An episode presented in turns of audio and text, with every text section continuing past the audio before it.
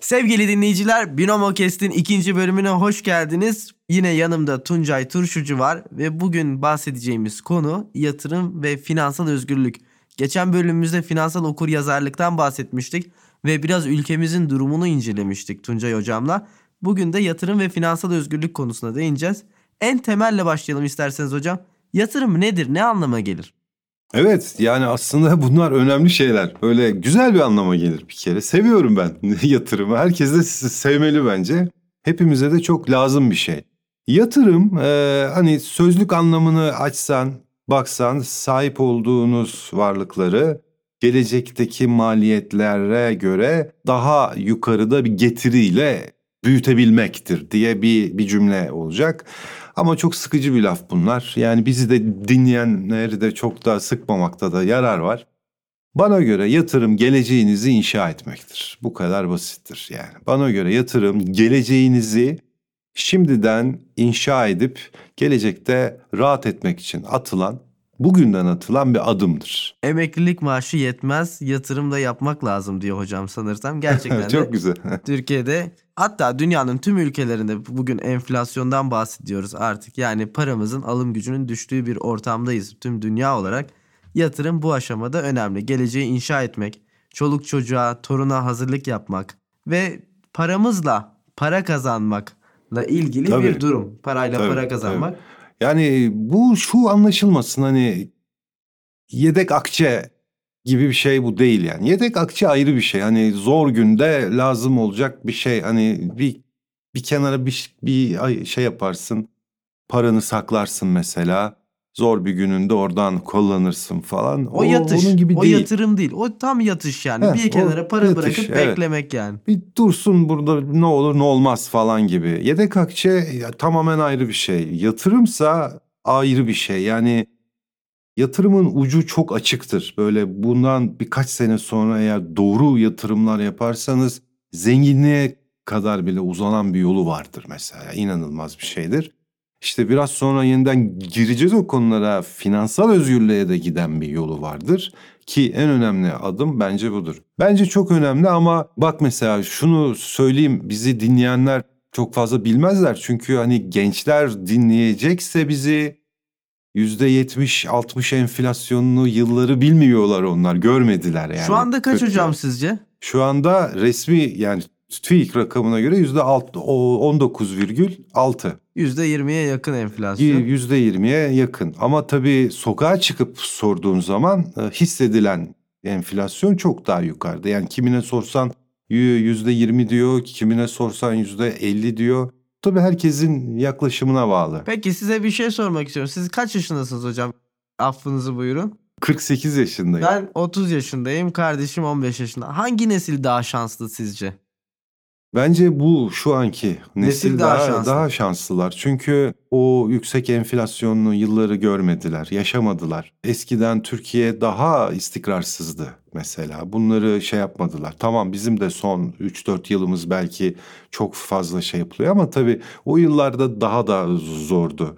Şu anda ama mesela Şimdi, şimdiki enstrümanlar yoktu mesela. Yani borsa, sermaye piyasaları, diğer enstrümanlar, dünya bu kadar gelişmiş değildi. Fintech bu kadar gelişmiş değildi. Fintech. Fintech'ten son bölümlere doğru bahsedeceğiz.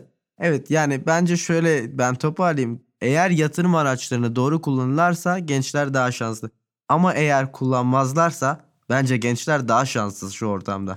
yani normal bir maaşla ev alabilme, araba alabilme şansları şu anda ekonomimizde pek kalmadı gibi gözüküyor. Ev fiyatları eskiden bu kadar değildi çünkü bu kadar liberalleşme yoktu herhalde. Yani son yıllarda e, konutta konut çok fazla öne çıktı ekonomide. Bu Hem da tabii da dünyada arttı. çıktı zaten. Yani dünyada yaşanan bir akım bu. Her yerde bunlar yaşandı. Emtialarda da yaşan.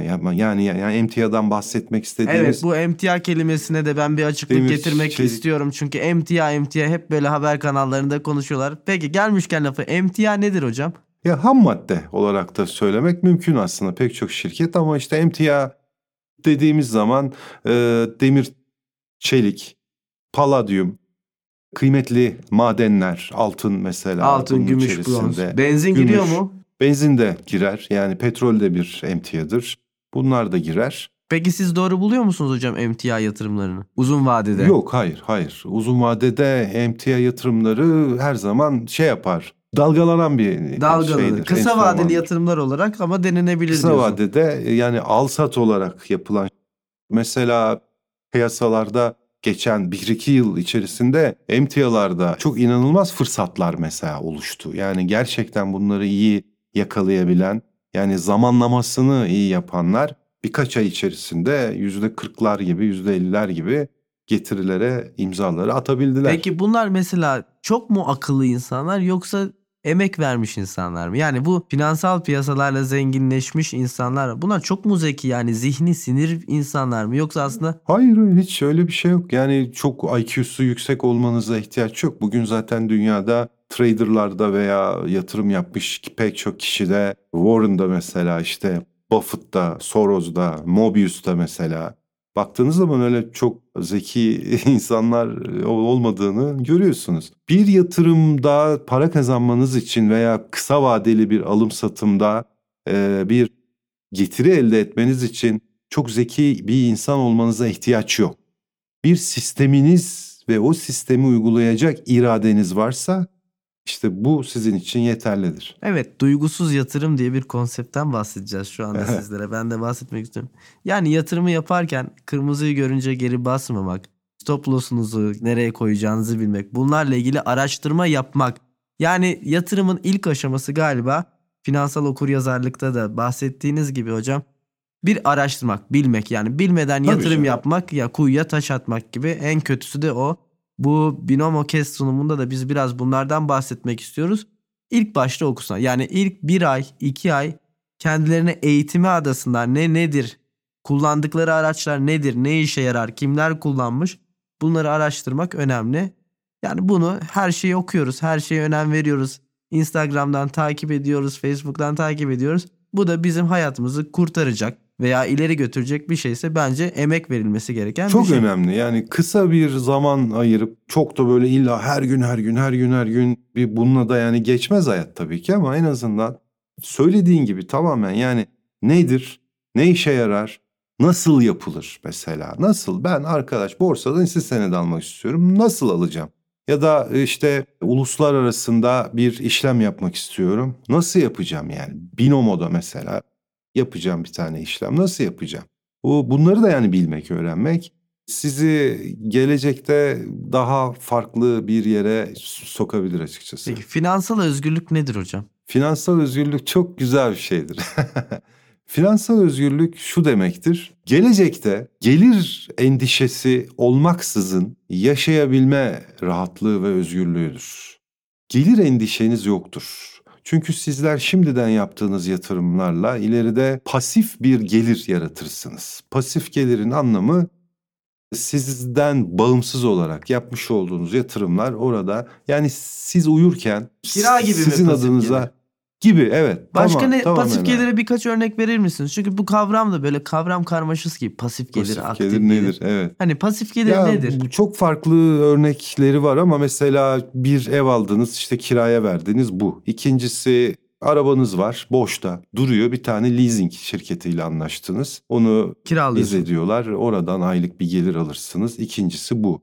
Üçüncüsü mesela borsada bir şirkete ortak olabilirsiniz ve o şirketten her yılın sonunda yıllık elde ettiği o net kardan size kalan bir pay vardır. O payı alabilirsiniz. Temettü dedikleri bu mu hocam? Aynen budur. Aynen budur. Temettü geliridir ve bunlarla da size her yıl bir e, getiri olabilir. Yani bak burada çok enteresan olaylar var. Hani yıllık maaşın kadar bir miktarı borsada iyi bir şirkete yatırım yaptığın zaman sana her sene gelir olarak gelme gibi bir durumu var yani.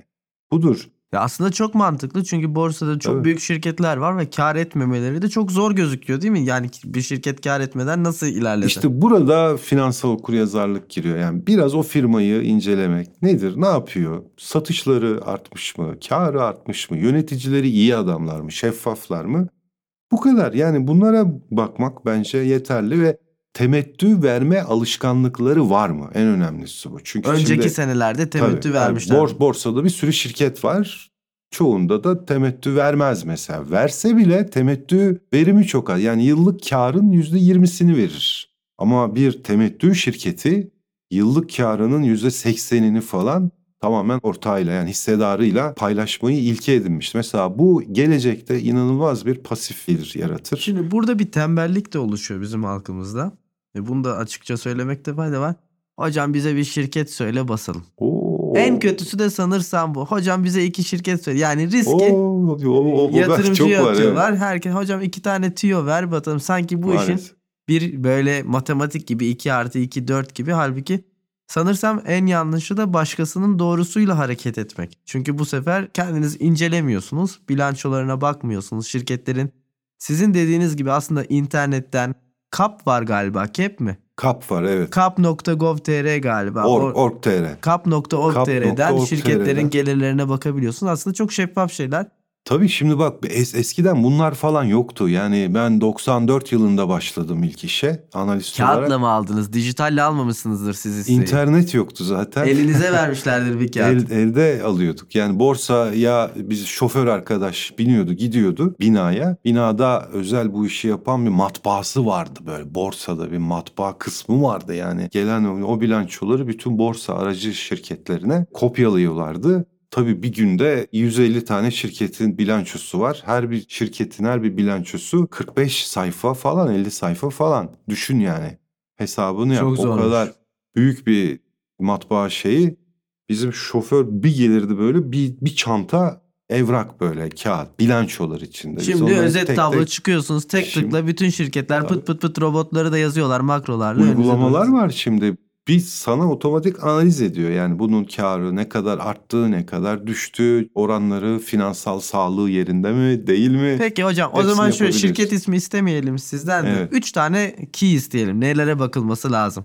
Ya bence bilanço anlamında şey şirket son 3 yıldır mesela cirosunu düzenli olarak arttırabiliyor?